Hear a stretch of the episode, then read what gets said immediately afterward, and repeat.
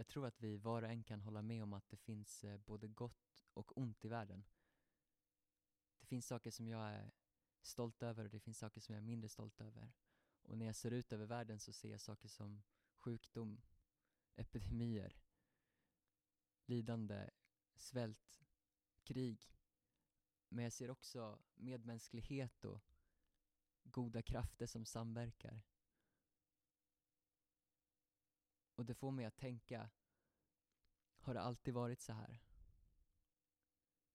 Det är som att mitt hjärta längtar efter en plats där det inte finns någon sjukdom, där det inte finns någon smärta, där det inte finns något lidande.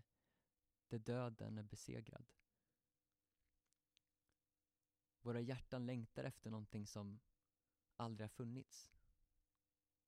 Eller har det det?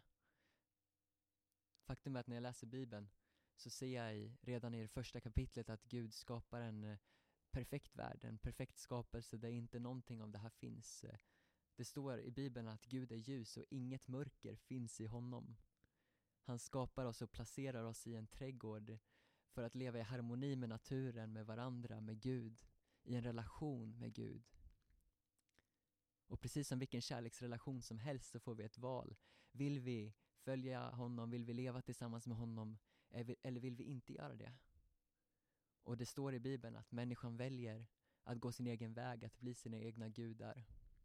Att göra uppror mot Gud. Det som händer är att Guds goda skapelse krackelerar. Mörkret får inträde i världen. Det som förut var en ståtligt, ett ståtligt tempel blir nu en ruin. Vi kan se liksom den forna glansen men det är bara en ruin kvar. Så vad händer? Var, lämnar Gud oss bara där för att dö? Profeten Jesaja 600 år innan Jesus talar om en man som ska komma och bära våra sjukdomar, bära våra smärtor på sig. Medan vi såg honom som hemsökt, slagen av Gud och pinad. Han blev genomborrad för våra brott, slagen för våra synder. Straffet blev lagt på honom för att vi skulle få frid och genom hans sår är vi helade. Vi gick alla vilse som får, var och en gick sin egen väg, men all vår skuld la Herren på honom. Vem är den här mannen? Bibeln fortsätter tala om Jesus Kristus. Han valde att stiga ner på jorden. Du kanske tänker, vad är det för elak Gud som låter en tredje part, Jesus, eh, ta våra synder, ta vår smärta, lida på ett kors. Men vet du vad, det är inte det som Bibeln säger. Bibeln säger att Gud var i Kristus och försonade världen med sig själv. Gud valde att bli som en av oss, att stiga ner från sin tron, att ödmjuka sig för att ta våra synder, ta vår skuld, ta vår skam, ta vår smärta på sig. Varför skulle han behöva dö? Kunde inte Gud bara ta emot oss ändå?